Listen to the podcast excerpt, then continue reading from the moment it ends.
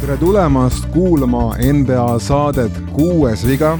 Eesti kõige higisem NBA saade, kahtlemata. väljas on kolmkümmend kraadi, kuupäev on meil kahekümne kaheksas juuni ja stuudios on. no ma huviga ootan nüüd oma nime ütlemist. stuudios on Henri Sipra ja, oota kalle ja Otto Oliver Olgo. olgu.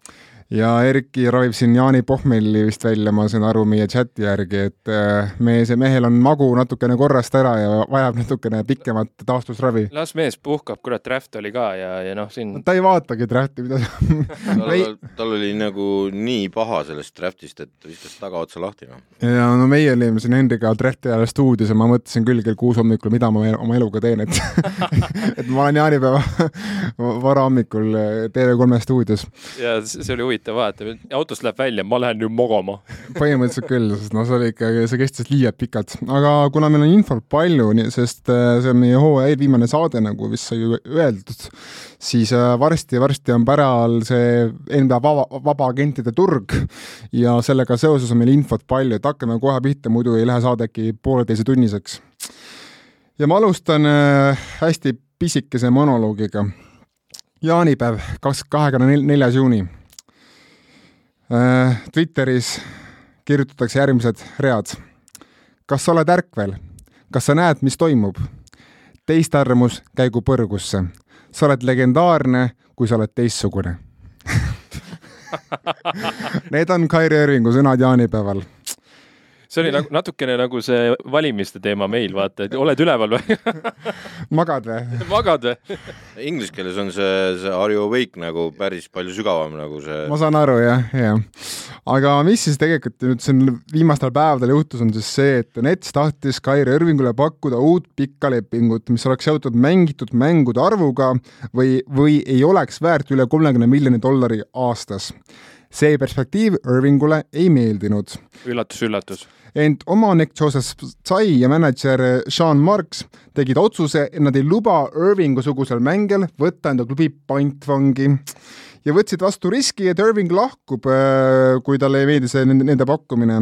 ja Irvingul oli, oli kolm varianti seepeale, kas A pikendada enda lepingut Netsiga ühe aasta võrra kolme, kolmekümne seitsme miljoni dollari eest, B leida kusagilt mingi uus klubi, kes saab pakkuda talle rohkem raha või siis vähem raha, või siis C leppida Netsiga kokku, et ta sõlmib nendega uue lepingu, aga Nets vahetab ta kohe edasi järgmisesse klubisse ja Nets saab vastu mingit head kraami ja Nets andis Irvingule loa, et noh, mine siis uuri oma, oma turgu, mine vaata, palju sa väärt oled ja kas sa saad meile midagi, midagi tagasi tuua, et me, meie siin tegelikult enam põhimõtteliselt noh, kui sa tahad minna ära, no mine siis. ja Irving hakkas oma, oma, oma agendiga turgu uurima ja mis siis selgus? selgus, et on ainult üks klubi terve NBA peale, kes tahab Irvingut väga jahtida ja see on Los Angeles Lakers. ja neil on pakkuda Netsile Russell Westbrooki või siis äh, Irvingule kuus miljonit dollarit väärt lepingut Vä. väga vinge ju kolmekümne seitsme asemel. jah, täpselt äh,. muidugi noh, Irvingu-suguse hulluga, mine tea, võib-olla ta võtabki kuus miljonit vastu. sellele rääkis vastu fakt, et Irving on NBA mängijate ühingu aseesimees ja kui su aseesimees teeb siukse triki, et võtab oma turuväärtusest noh, põhimõtteliselt nagu viis või kuus korda vähem raha vastu, see saab nii halva pretsedendi kogu NBA-le, et äh, sihukest, sihukest plekki ei pese mitte keegi maha mängijate seas ja noh, turg oligi kuivem kui Sahara kõrb, ütleme, ütleme siis lühidalt kokku ja paljudel tiimidel lõpevad kallid lepingud alles järgmisel aastal ära, nii et Irving võttis vastu selle otsuse, et äh, ma pikendan lepingut Netsiga ühe aasta võrra, võtan need kolmkümmend seitse miljonit vastu, nutan natukene ja austan oma, austan oma pakti Kevin Durantiga, kes, kellele ma lubasin, et ma olen temaga koos neli aastat. ja nüüd Durant, kes mõtles ka, et võib-olla laseb laseb jalga nagu, nagu Irving, noh, Durant ja Irving on nagu sihuke Brežnevi pakike, et saad ühe, saad teise, saad teise hullu kaasa. aga nüüd on selge, et mõlemad jäävad, jäävad veel vähemalt üheks aastaks, no Durantil on leping, mis kestab neli aastat kolm on veel, kolm on veel jäänud sellest. jah, kolm on jäänud ja vaatame, mis sellest asjast saab, igatahes on nüüd selge see, et äh, Netsi juhtkond siis hakkab edaspidi nüüd pingutama selle nimel, et panna Irvingu, Duranti ja Ben Simmons ümber siis paremaid mängijaid paika. Ja esimene prioriteet neil on Bruce Browni ja Nicolas Claxtoni uued lepingud. Nii, see on see kogu see tralli kokkuvõte, mida USA meedia jahus meil kokku kuus päeva nii et äh, meie saame selle kokku võtta paari minutiga, ma arvan, et see läks ise hästi, aga kas te, kas te jälgisite seda, seda draamat ja kui te jälgisite, siis mis mulje teil üld, jäi või kas üldse mingeid muljeid tõi? no ma, ma ütlen lihtsalt see ajastus, et just äh, kui äh, draft hakkas, siis just hakkas seda jahu tulema. ja siis ma vaatasin nagu seda sellise asjaga, et no hakkab jälle Kairi pihta, eks ju ja siis järgmine asi, mis ma nagu reaalselt nägin, number oligi see kuus pool miljonit, et Kairi, äh, kui ta tahab ära minna, siis ta võtab selle kuus miljonit ja jätab selle kolmkümmend seitse lauale nii-öelda, eks ju, et võtab selle hoobi, kui ta nii väga tahab ära minna. ja muidugi, mis siis Kairi tegi, olen veel aasta ja nüüd ma ütlen, ta peab mängima kõik mängud nii, nii palju kui võimalik, et ta mingisugustki väärtust, teda ei taha mitte keegi enam muidu. no Lakers tahab kümne miljoni eest. jah, mis raha eest. ja no ma, kusjuures, kui Westbrooki leping ka lõpeb järgmisel suvel, siis tegelikult Irving on seal väga loogiline kandidaat olemaks see kolmas max lepinguga mees tegelikult, et et Irving, ma arvan, et mängis endale tegelikult päris head kaardid kätte, ta võttis selle üheaastase lepingu kaardi vastu, ta saab oma väärtust tõsta järgmisel hooajal, kui ta kavatseb mängida mänge ja ka mis mis minu arust kõige olulisem on see, et eh, ma arvan, et see nüüd, eh, see Irvingu case loob uue standardi NBA-s ja ma arvan, et järjest rohkem klubisid hakkab siduma mängijate lepingud mängitud mängude arvuga, sest no lihtsalt ma arvan, et paljud juba kardavad, et ma saan jälle mingi kuradi Ben Simmonsi või Kairi Irvingu ja ma pean kogu mu, kogu mu organisatsioon valutab pead selle pärast no ja see, see on fännidele ka ju jube asi läbi elada, et see, see ei tekita midagi positiivset, see on sisuliselt pantvangi võtmine, see on nagu kuldsed käerauad või ma ei tea, mis asjad need on, et et seal käib ikka korralik mingisugune jahumine. ma lihtsalt toon ühe huvitava fakti, James Harden on mänginud siiamaani rohkem mänge Netsis, kui seda on teinud Kyrie Irving kolme aasta vältel. No ja mina jälgisin seda, seda tralli siis, kui mängu tuli Mavericks. sellepärast, et kui päris aus olla, Mavericks oli laua peal. Äh, sellepärast, et härra Harrison ja, ja Irving on vanad tuttavad esiteks ja ju Irving võttis ise ühendust temaga, sellepärast et äh, Irvingu nende Kairi ketside taga tegelikult on niisugune mees nagu Nico Harrison. Ja nad oli oma..., äh, Kairi leping Nike'iga ju katkestati ja Nike ja, ja, ja aga ma ütlen, noh, Harrison ja. ei olnud ka enam siis ja. seal, eks ole, et tegelikult selle alguse, nad on tegelikult sõbrad, eks ole.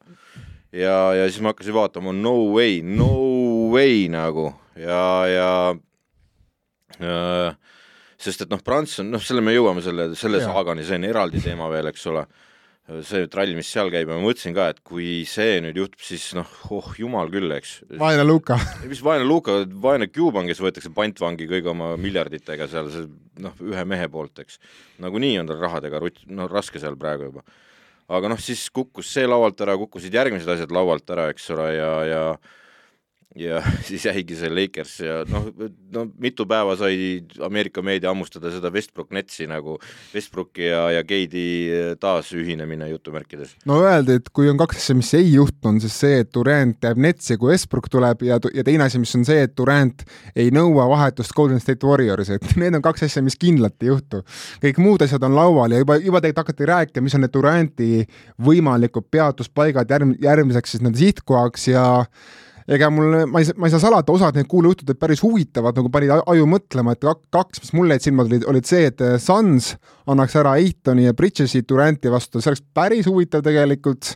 ja teine, mis mulle jäi silma, oli see, et Pelicans annaks ära Zioni ja, ja need Lakersi pikid Duranti vastu, mis on ka väga huvitav, et kaks asja, mis mulle jäid nagu tegelikult silma. jaa, aga minu poolt oli see kõige rohkem jäi silma see, et kui KD vahetusest jutt tuli, siis äh, et äh, Netsil on käed-jalad tööd täis, sellepärast et nad saavad täpselt kakskümmend üheksa pakkumist no vist. KD turg on veits parem ja. kui Kairil. jah, jah, ja, ühe pakkumise asemel kakskümmend üheksa, noh, võtaks isegi vastu. muidugi siin Brian Windhorst, USA ESPN-i, ESPN-i tuntud report väidab, et see saaga Irvinguga pole veel läbi. ja ma arvan, eks see on USA, USA meedia nagu tahe pikendada seda, et toodaks rohkem klikke, rohkem raha neile, aga ma üldse ei imestaks, kui see tõesti nii on vabandust telefonikõne pärast, ema tahab kätte saada, ma ei tea, miks. saadame tervitused talle sõpru pole, siis ema helistab tõe, tõepoolest nii on. ja mis veel, ma arvan, oluline, oluline on see, et äh, miks ma arvan, et Irving võttis veel vastu selle üheaastase nagu lepingu pikenduse Netsiga, on ju see, et ta tegelikult on kaotanud päris palju raha viimasel ajal. ta kaotas seitseteist miljonit eelmise hooaega selle koroonavastasuse tõttu või noh, või noh, tegelikult täpsemalt vaktsiinivastasuse tõttu.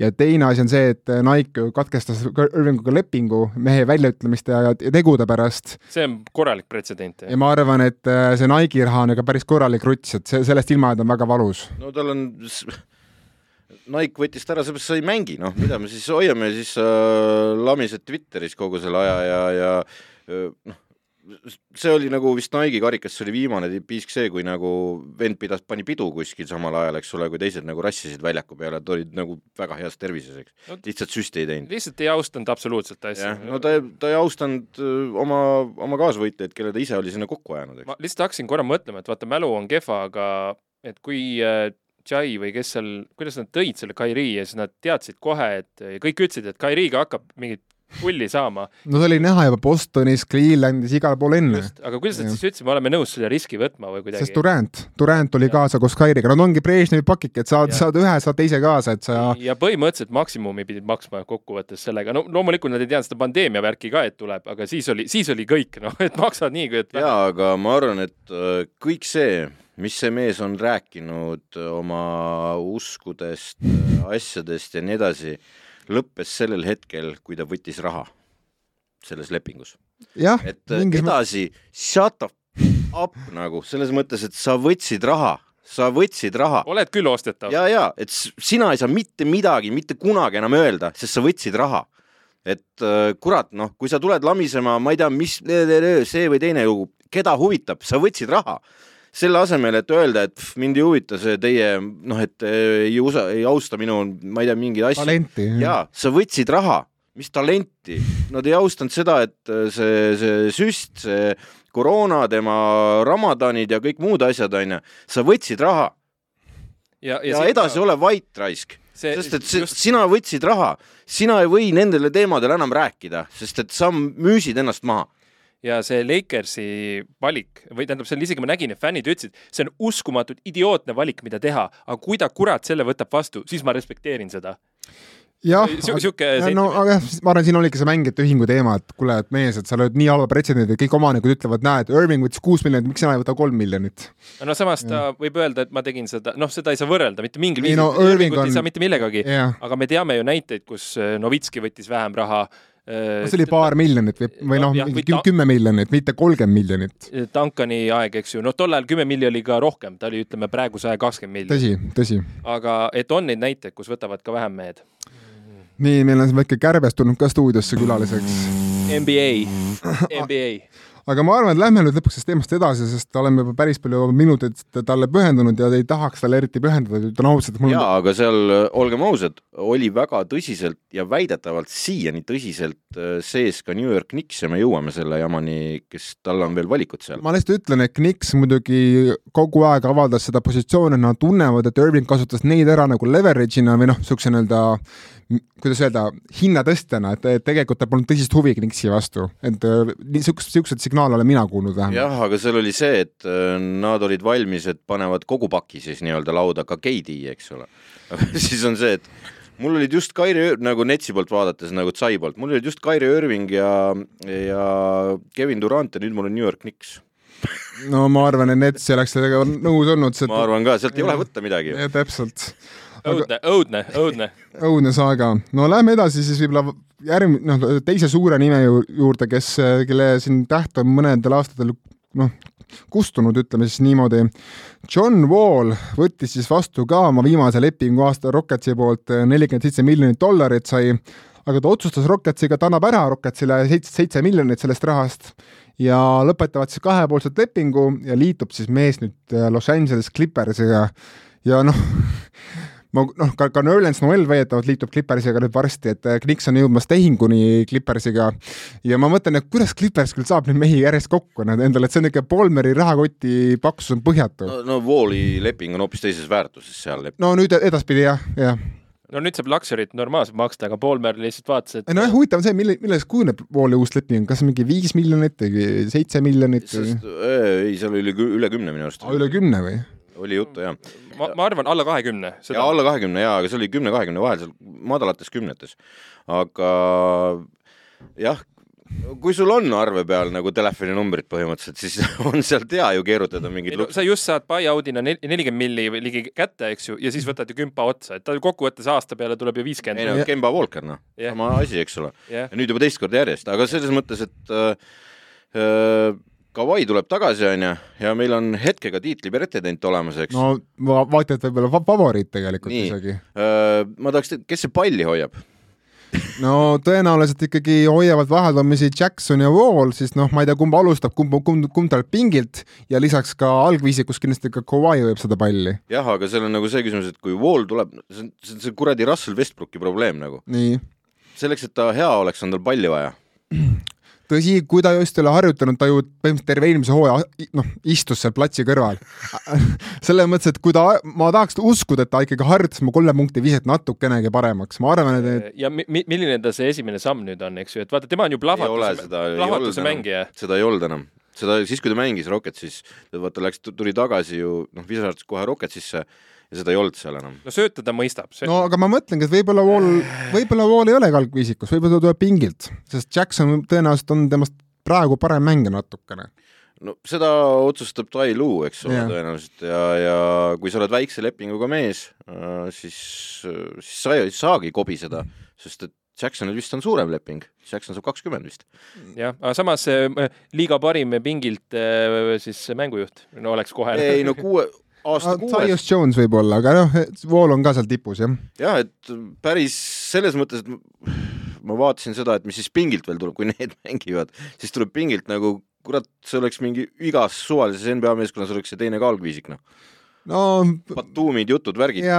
no me nägime ära ju, kui neil oli siin, kõik olid väljas ja vigane, vaata, vaata, kuidas see tiim ikka elas äh, selle sügavuse pealt, kõik suudavad mängida. no on ju teada seda, et Clippers tegelikult müüb praegu Kennardi maha, et tuua Wall sisse ja lisaks nad on juba noh, Noelli vahetus tegelikult peegeldab seda, et nad on juba loobunud sellest, et nad palkavad uuesti Isaiah Hartensteini järgmiseks hooajaks, ma arvan, et Noel on, on tema asenduseks to- tuuakse. Gennardi võtab keegi üles, ma arvan. ei, Bostonil oleks seda venda pingilt vaja, aga sakslased müüvad maha. no neil pole raha teda võtta, sest nad saavad pakkuda talle ainult sada kakskümmend protsenti eelmisest lepingust ja see on nii väike summa, et Hartensteinil on mõistlikum minna sinna vabaturule ja, ja siis pole enam Clippersil enam, enam raha konkureerida.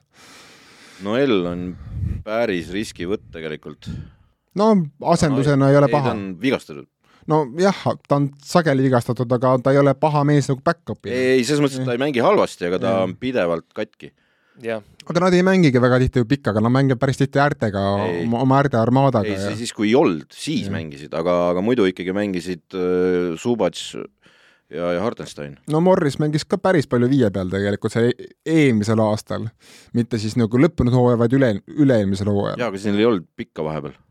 No mis ei olnud ka paha ju tegelikult no,. Batum on ikka seal veel või? Batum on, Batum on vist, Batum on vist vaba agent, nii et aga ta väidetavalt kaldub Clippersiga uuesti liitumise suunas. jah, ja samal ajal ka eh, siis teeb Euroopas seal ke- noh, sooja, et ma kuskil tahan lõpetada või kus ta ütles, Maccabi või mi- jah, Tel Avivi Maccabi oli temal vist. et, et seal mängiks viimase aasta, nagu Pau Gasol oli seal eh, Barcelonas, vaata viimane aasta. nii, lähme edasi, võib-olla teeme selle suure teema ära, Jalen Brunsoni saaga. et äh, nimelt siis on nüüd viimaste päevadega järjest rohkem ja rohkem kõlakaid, et ikkagi Brunson liigub New York Knicksi, sest nad saavad talle rohkem raha pakkuda kui Tallas. Nad on teinud ka liigutusi selle jaoks, nad ei võtnud draft'ist mitte ühtegi noort, mis on väga oluline tegelikult nagu tähelepanek. Nad äh, müüvad aktiivselt Alec Burks'i, Evan Fournieri, noh, Noelli müüvad, praegu müüvad maha, et teha ruumi Brunsonile just palgaruumi mõttes. Volkerist said lahti. Volkerist said lahti, see oli väga magus neile, kuigi nad maksid päris kõrget hinda selle eest. oo jaa, ja, ja no mis selle Brunsoniga on selgunud, on see, mis, mis, kas üldse kus- kusagil mainitud siiamaani, et Brunsoni agent on Knicksi presidendi Liam Rose'i poeg, Sam Rose. ei ole märganud, et ja Bransoni isa on äh, Knicksi abitreener. no kes on olnud aastaid Tom Thibodeau tiimides tegelikult jaa, aga abitreener. ta on tagasi lükanud nüüd Tibedo tipsi need pakkumised järjest seal Knicksis ja nüüd võttis selleks hooajaks vastu. ja nüüd minnakse Bransoni jahile. aga siis, kas see pole huvitav konflikt, et Knicksi presidendi poeg on Bransoni agent, see tundub mulle kuidagi nagu väga imelik. See NBA maailm on üldse väga väike, kui päris aus olla.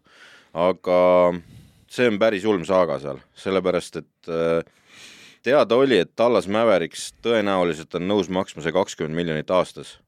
New York Knicksi tänane pakkumine oli kakskümmend viis miljonit dollarit aastaks, aastas neljaks aastaks.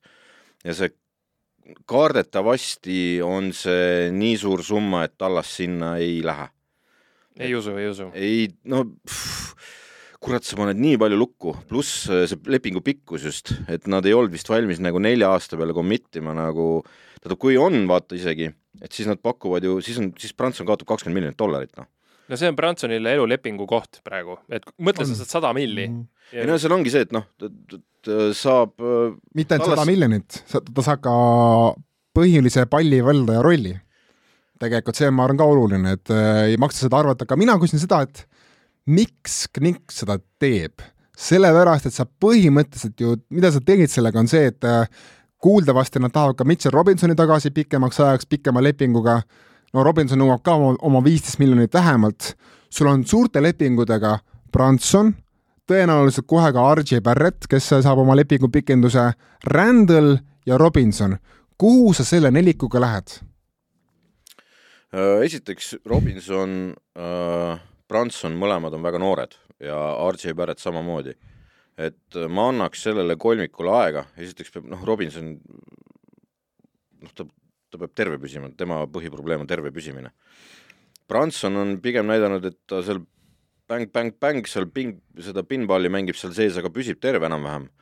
Äh, Barrett ka püsib terve enam-vähem ja Barrett on nüüd, on, on nagu näha olnud nagu see Knox oli täielik pettumus Knicksis, eks avaringi valik ikkagi. Ja, ja ei üldse mingit arengut, pluss veel see, et ei, oma esimesel aastal sai meeletud minutid Kevin Knox, eks.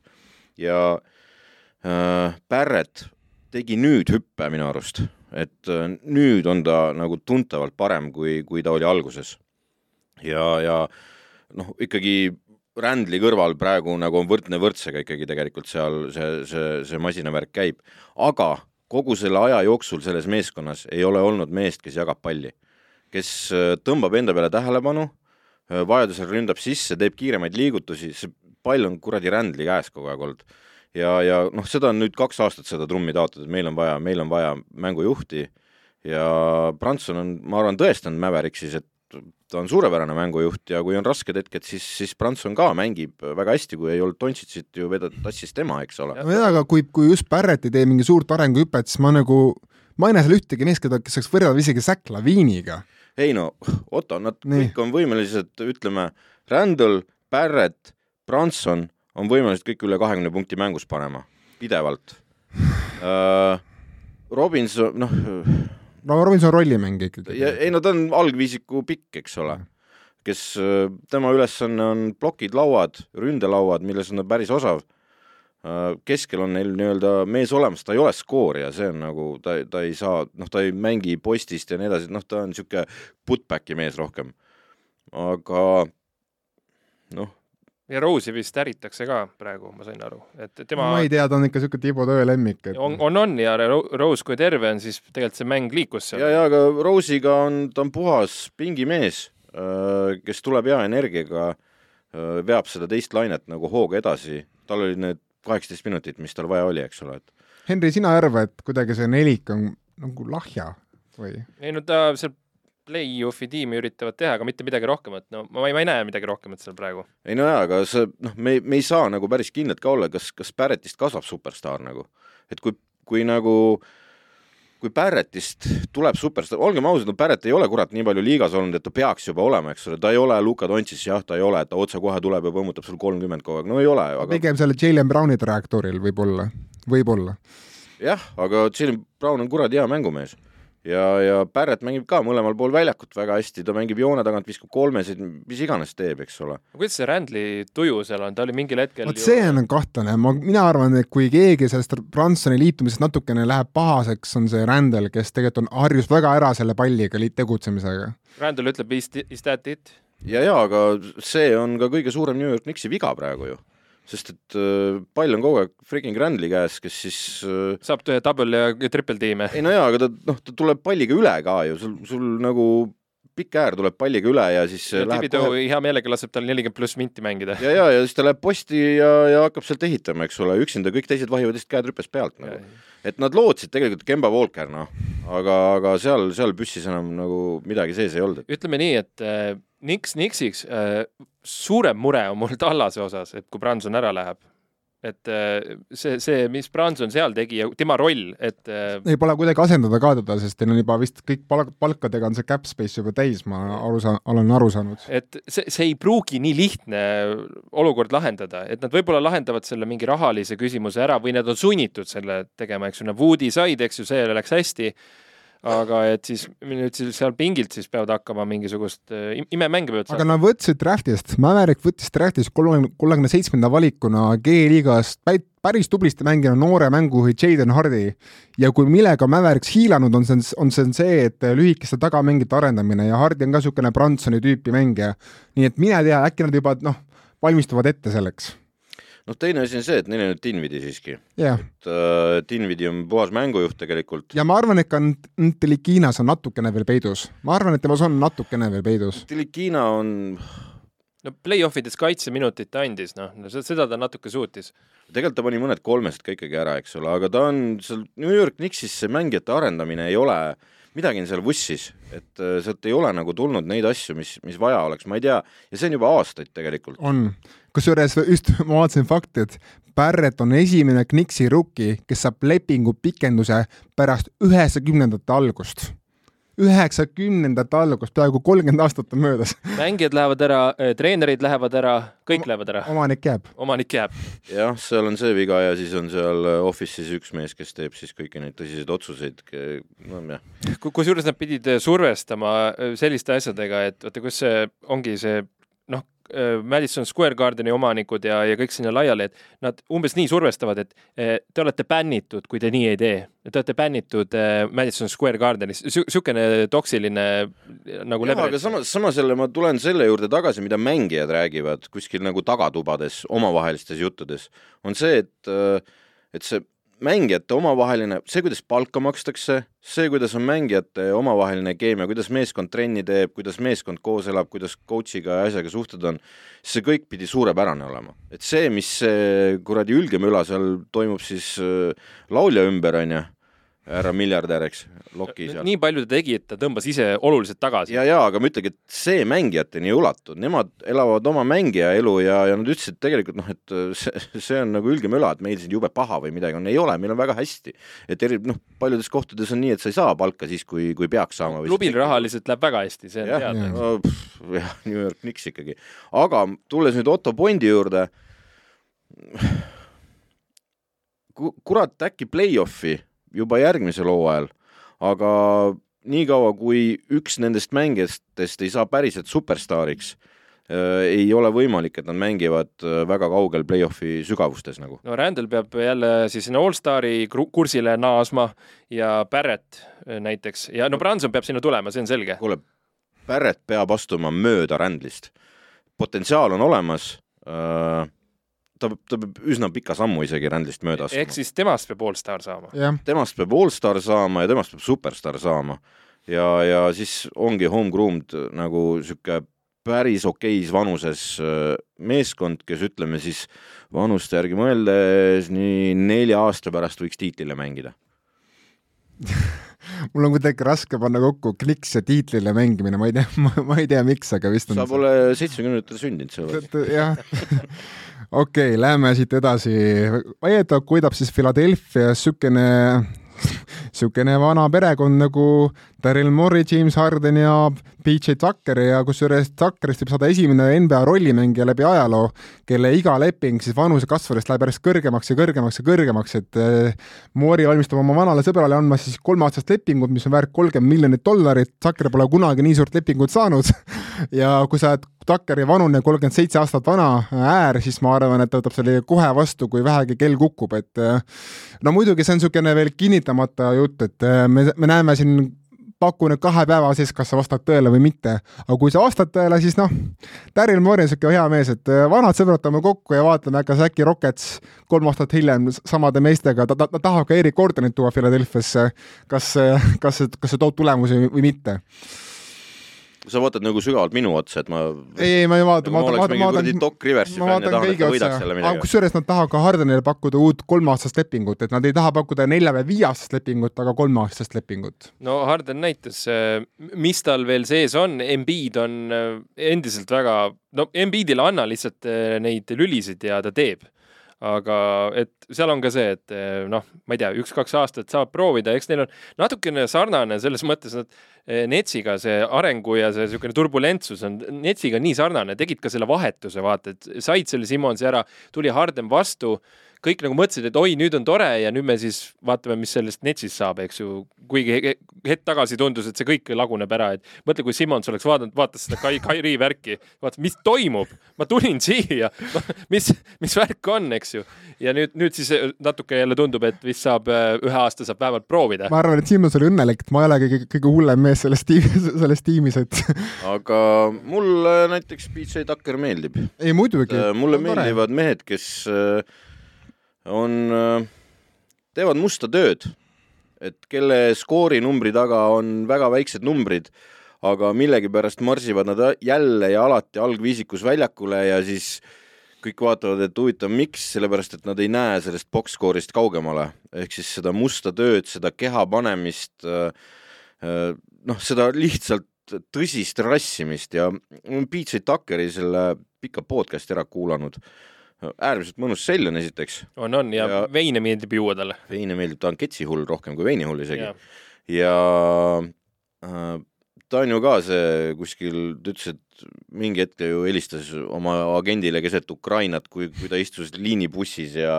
ja sõitis mingilt mängult koju mis asus mingis teises riigis ja siis ütles mingis sopasel kuradi, ma ei tea, mis teeb ja siis ta oli helistanud, et kuule, et äkki, äkki paneme selle karjääriga pillid kotti ära, et ma enam ei, aga, aga näed sa, mängib NBA-s ja kolmkümmend miljonit dollarit on, on tõsiasi.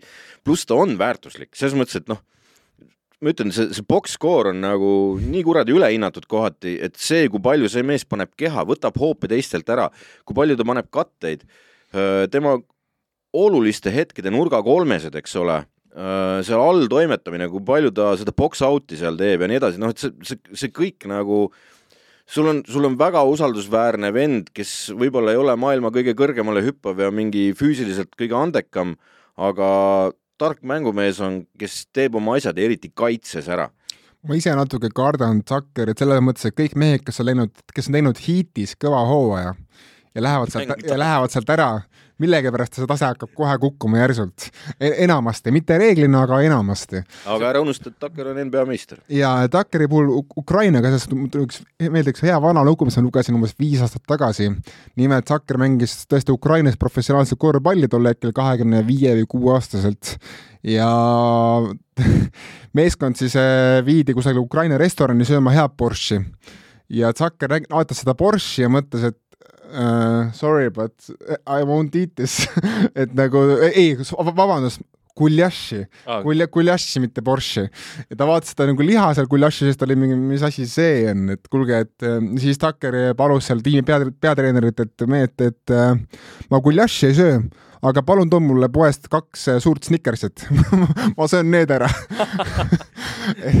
et äh, see, see on minu, see on minu tingimus. kurat, see mees kaotas palju, guljaš, hea guljaš on hea asi, kurat. on küll.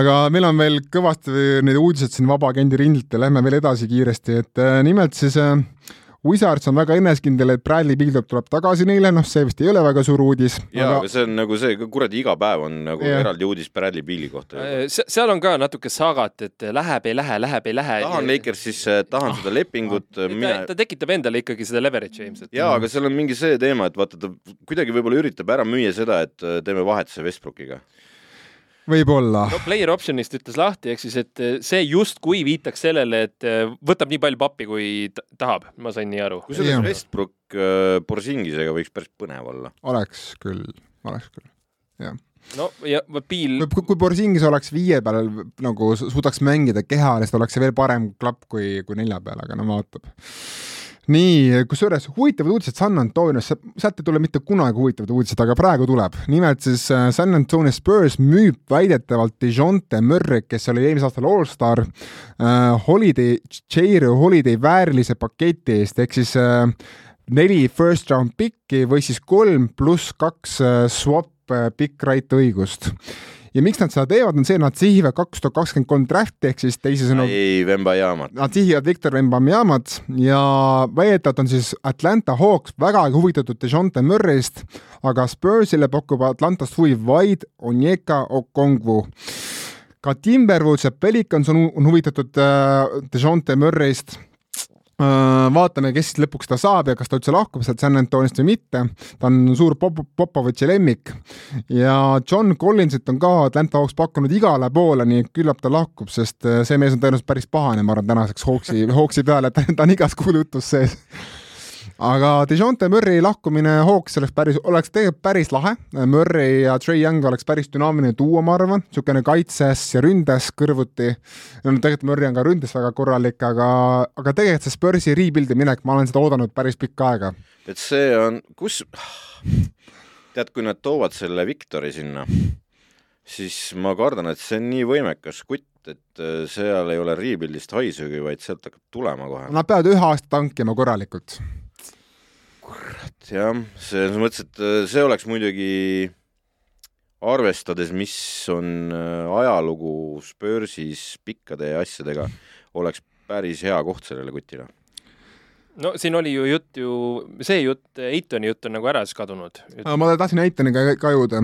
nimelt siis Eitoni turg on kokku kukkunud, kuna Pistons sai draftist atleetliku tsentri Jalen Tureni ja Pistons siib nüüd ülejäänud rahaga just potstaturust äärele, mitte niivõrd sinna korvi alla, neil on korvi all nüüd on Stewart ja Turen, nad ei, nad, nad ei vaja enam Eitonit, on, on nende hinnang.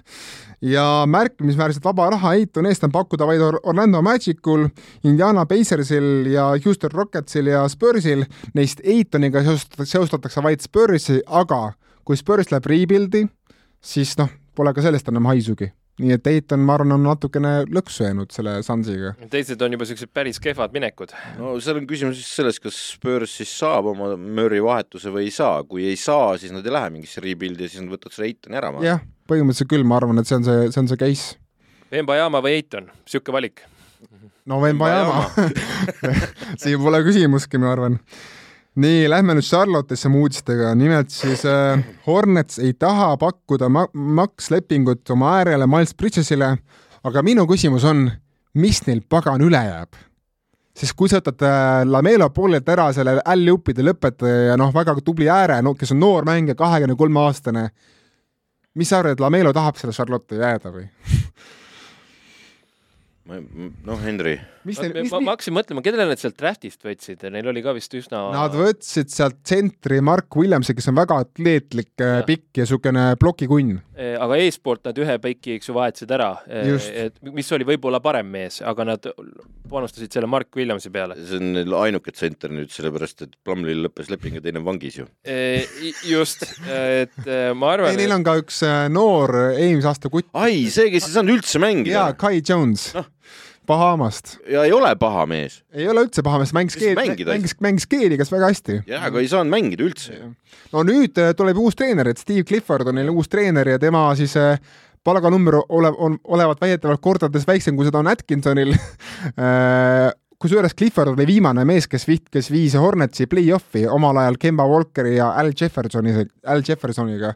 et äh, Clifford on muidugi ka niisugune no klassikaline Hornetsi valik. jaa, aga see Clifford ei ole, äh, ei ole paha mees tegelikult. Äh, tema oli siis see, kelle vahetas välja Borrego, kes nüüd kinga sai, eks ole, ja ma ei, ta, ta mängib väga teistmoodi korvpalli kui ta mängib turvalist korvpalli. Et... no Borrego kurss tehakse nüüd ümber jälle. minnakse tagasi sellesse vanasse varianti nagu, aga Clifford, noh, seal mängitakse kaitset tema süsteemis. jah muidugi huvitav on see, Nak, et ma vaatasin, et äh, väidetavalt Atkinson olevat tulnud pahane Jordani peale, et äh, Atkinsoni üks tingimus, et liituda Hornetsiga, on siis see, et ta saab panna kokku oma tiimi, oma treenerite tiimi, oma poolpoide tiimi, noh, kes iganes. ja, ja Jordan ütles talle, et see ei tule kõne alla, et mul on veel kehtivad lepingud abi, abiteenerite ja muude tegelinskitega, noh, mis on niisugune klassikaline, et no ei ole see Jordan vist kõige rikkam mees seal, seal ja, ja endas. tüübil on, kõik on säästu, aga nüüd saigi oma säästu Cliffordi kätte, noh. ongi hea. jah, no ma arvan, et Bridges enam pea jätma, sest kui nad ei jäta seda meest, no siis on küll, mina Lamelona vaataksin küll ringi, et kuulge, et ma ei tea, mis te siin teete, et selle pundi GM ma ei tahaks olla, et me siin etteruttavalt eh, siin teemadest. jah, aga seal on nagu ka seesama küsimus tuleb, mis New York Knicksi puhul, et äh, aga kuhu see meeskond siis jõuab? kuhu ei- selline meeskond jõuab? play-in turniirile. Äh, vot täpselt, play-off'i hakkan ma juba küsitavaks tõmbama, sest et äh, me ei tea siiamaani, kes sealt tsentris mängima hakkab, onju no. Williams tõenäoliselt nüüd hakkab mängima. nojah, aga Drafti mees kohe läheb. drafti mees kohe onju, siis see G-liiga mees back-up ib teda ja, ja noh, Bridges, I m sorry, aga see ei ole superstaar onju, Lamelo on superstaar tegelikult, aga no Rozier on veel tagaliinis, tegelikult päris tubli mees. Hayward jah, kui ta kunagi terve on.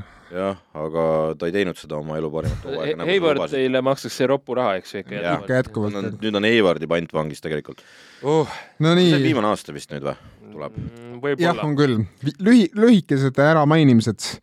Pat Connaughton jääb Paksi päris odava raha eest, viis miljonit, mis on suur võit Paksi jaoks. hea deal. Anunobi ei lähe kuhugi Torontost, et see jutt olevat ikkagi ülepaisutatud draama. Cavalierist tuua tiimi tagasi Ricky Rubio ja sõlmida uut lepingut Colin Sextoniga, et nad nä- näevad, et turul ei ole paremat varianti lihtsalt Sextonist. okei, That's, see on nagu mõlemad tahavad võtta. ja, ja aga, ja aga Rubio iga freaking kell nagu, kui ta terveks saab, onju. Aga vot see Sexton võib olla väga hapu mari, kes keerab selle mängu pekki no seal. äkki ei keera, kui ma arvan, Sexton saab aru ka, kuhu ta on langenud selle saab selle Sexlandi tagasi. jah, ei, aga selles mõttes, et ta oli, vaata siin oli see arutluse all meil ühes saates lausa teemana, et äh, võib-olla see Sextoniga mängib see meeskond halvemini kui Sextonita. no see oli sel hetkel, kui Rubi oli terve. noh, sel hetkel see asi lendas. ei no aga vaata, seal on hoopis teine mees, kes palli valdab tänasel päeval. On. Äh, oota, kellel nad võtsidki selle, noh, Ochai Akbachi mõtled, mida sa ei, mõtled? kellel nad tõid sinna asenduseks, Rondo tõid ju üks hetk. no Rondo on, noh, ta karjäär on läbi. temal on kõik, eks ju. jah. nii, lähme praegu siit edasi. Blazers toob tiimi tagasi Yusuf Nurkitši ja Anthony Simonsi. Simons väidetavalt nelja aasta eest kaheksakümmend miljonit, miljonit dollarit, mis on niisugune täitsa okei No, okay leping tänasel päeval juba on okei okay leping, aasta tagasi oleks olnud palju. Pacers GM kinnitas, et tiim ei müü Miles Turnerit, kuigi kõik tahavad teda endiselt oma tiimi, aga nad ikkagi ei, ei aga müü. vahepeal jälle müüsid ju. täiesti see kuradi Miles Turner, see on nagu see vend nii kaua, kui ta on NBA-s olnud, on ta vahetuseks olnud nagu valmis Ta ja siis iga kord Pacers ütleb, et ta vahet nagu see mees on müügiks nagu ja siis, kui läheb müügiks, siis ütleb, et see ei ole müügiks küll nagu. on müügiks Malcolm nii, ei no see Malcolm Brogdon oli kohe algusest müügiks ja. juba ja, ja siis nad läksid äh, rebuild'i, läksid äh, täielikult sisse. oli ka Turneri ja Brogdoni paketid pandi juba kokku, kõik tegid, tegid pakkumised valmis vist ja siis on seal jälle ei ole müügiks. Ja no siis fucking võib nagu, no ja mida siis tõid Halliburtoni ja siis tõid Halliburtoni. jah, ei, see Turner ja Brogdon, see tuli nüüd alles hiljuti jah, jah. ja, ja alles oli uudis, et see on kõik saadaval. noh, mul on lihtsalt kahju sellest Isaiah Jacksonist, kes näitas päris ägedat minekut seal hooaja lõpus, aga noh, Jackson ootab oma võimalust edasi, et Tör- Tör- Turnil on tegelikult leping viimane aasta, nii et selles mõttes, et peab, peab vaatama, mis Pacers nüüd teeb ma arvan, temaga. et see vend paneb sealt minema, sest kaua võib nagu olen müügiks, ei ole müügiks no.. jah, nagu John Collins, aga korda viiega. ei no selles mõttes, et lähed koju jälle, ütled prouale, et kuule, pane portfell valmis, et me viska riided sisse, et läheb vist minekuks, õhtul tuled õhtusöögile, kuule, tee lahti, et ei ole vaja ikka, et me, me ei ole täna müügiks, et viimane hetk, kui sihuke ja positiivne homme jälle läheb sama asi, pane see ruuduline särk ka seekord portfelli kaasa, et Ditch Warren, noh, see, see, see hetk oli kõige parem, vaata, kui Ditch Warren mängis seda hullu mängu, kolmkümmend punkti mängust Jah. ja. ja siis oli, et oi, et mis asja, te müüsite meid nii odavalt ära ja siis vaatasid, et nüüd hakkab see asi minema ja siis bah, kõik. no Warren on üldse vaba kett, nii et vaatame, kus tema maandub. noh, eks nüüd ta läheb jälle odavalt ja siis yeah. jälle ütleb, et miks te nii odavalt müüte ja hakkab tõestama. no nii, kaks väikest äh, kildu ka Jazzist, lähme edasi siis kohe, et Jazz küsib Rudi Gobertist nii kõrget hinda, et äh, tiim on peletanud eemale kõik äh, kosilased ja ainukesena, ainukene, kes on jäänud veel helistama toru otsa, on äh, Phoenix Suns. kõik muud on juba Eitoni vastu või? vist jah. Et kõik muud tiimid on öelnud, et kuulge, et me ei taha nii kõrge hinna eest Ruudiga vot see on ka teistpidi kuldsed käevõrud, et sul on nii väärtuslik mees, eks ju, kelles sa tunned, et sa võtad nii palju, aga ta ei sobi igale poole. ta, ei saa igale poole müüa. ta on, ta on nagu, ma arvan, natukene nagu Kevin Looney Warriorsi jaoks, et äh, selle tiimi jaoks on ta suurepärane, aga ta ei ole iga tiimi jaoks nii hea.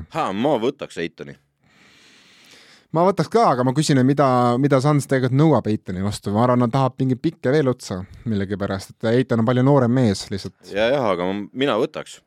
sa saad skoorija ka kohe noh, ma võtaks ka, aga ma ei tea, kas, kas Jazz võtab. ma arvan, et probleem ongi see, mis sinna filleriks tahetakse, mingeid pikke rõvedad, ma ei tea, mis seal anda on üldse.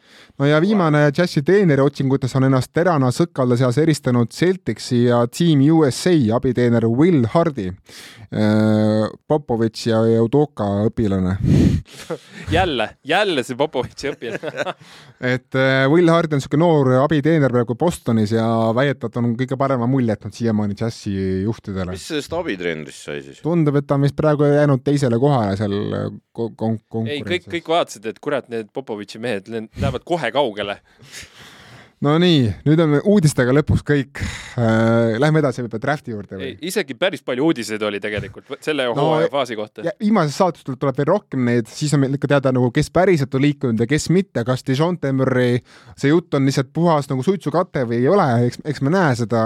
no blockbuster võib tulla põhimõtteliselt. no tegelikult ma ütlen, et suhteliselt sündmuste vaene isegi, sest kui me räägime tegelikult, et suurim vabakent, keda jahitakse, on Jalen Brunson no võrdle seda kaks tuhat üheksateist, kus meil läksid Durand, Kawhi, Kairi, no Butler, kõik läksid müügiks. Westbrook läks müügiks, kõik läksid ja praegu me räägime pagana kakskümmend minutit Bransonist. aga ma just isegi vaata, kui ootad, et ei tule eriti neid äh, fireworks'i, siis võib alati üllatada. sealt võib jah midagi kuskilt tulla, mida me ei oota järsku, sellepärast et äh, väidetavalt tegelikult juba praegu ju vaata läbirääkimised käivad, et äh, no käivadki jah. Nad ei tohi liigutada midagi tegelikult nad vist ei tohi isegi tegelikult normaalselt läbi rääkida ja pakkumisi teha aga.... kusjuures ma mõtlengi, et see Clippersi ja Walli asi, ma ei imestaks, kui Clippers kaotab siit mingi teise raundi piki, kuna, kuna see info tuli juba praegu välja. natuke liiga avalik, jah ja.. Läheme edasi drafti juurde või? no räägime draftist ka, noh. niisiis äh, kui me tegime seda drafti Henriga kakskümmend neli juuni TV3 stuudios varahommikul, siis äh, kogu sellest suurest kommenteerimistuhinast meil tegelikult jäi märkimata see, et see draft oli üsna er-, erakordne kahel põhjusel. esiteks, kogu see saaga avavaliku ümber, niisugust saagat ma ei mäleta üldse viima-, viimastest aastatest, et kes see lõpuks ava, avavalik on ja kuidas Kol. kolm venda põhimõtteliselt oli lõpuks laual. just, ja selle avavalikuga seoses kõige olulisem asi üldse on see, et Paolo Panchero ei, ei teinud mitte ühtegi trenni Orlandos ehk siis Orlando pole mitte ühtegi nagu visuaalset ettekujutust, välja arvatud need eh, noh, videolindid kolledžid, kolledžist ja keskkoolist, milline mängija Panchero on. ja nad ikkagi võtsid Panchero, et eh, Orlando poolt väga suur, suur kummardus. julge su. suurepärane salatsemine, aga see, et nad ei toonud kordagi Paulot Orlandosse, natuke kahtlane. jah see, see, see oli äh, sellest kolmest kõige vähem tõenäolisem äh, esimene valik. kusjuures Las Vegas ju sai tegelikult päev varem teada, et äh, Paolo läheb Orlandosse, sest nemad muutsid oma koefitsiente kakskümmend neli tundi enne Paolo valimist niimoodi, et Paolo nagu ees sai palju vähem raha kuradi head nimed, ninad, ninad on seal Vegases, ma ei tea, kust nad oma infot saavad, aga nad ikkagi on väga head. no see nina saab palju raha, ma arvan. ei no seal jah, see see, mida ta nuusutab, see, see, see, see saab palju raha. aga tegelikult oli, selles mõttes jah, sul on õigus, oli erakordne draft, erakordne draft sellepärast juba, et äh, kui meil on olnud äh, noh, ka viimastel aegadel, Zion Williamsoni draft, Sacki draft, Allan Iversoni draft, noh, nii edasi, nii edasi, nii edasi, onju, siis sel korral niisugust asja ei olnud, nad, NBA üritas sellest teha Chet Holmgren'i drafti, aga see vaibus ära umbes kaks kuud tagasi ja, ja noh, prooviti iga, igat moodi seda Holmgreni, aga siis vist keegi sai aru, et kurat, see vend ei lähe vist esimesena. ja, ja, ja sinna ta jäi, et tegelikult see Panchero esimesena minek oli tegelikult ju üllatus. oli. oli tol õhtul ja. üllatus, ta tegelikult ju prognoositi, et kolmandana läheb noh, Houston oli valmis selleks, Houston oli juba kõik juba välja mõeldud, kuidas Panchero sobitub Jalen Green ja teiste meestega seal.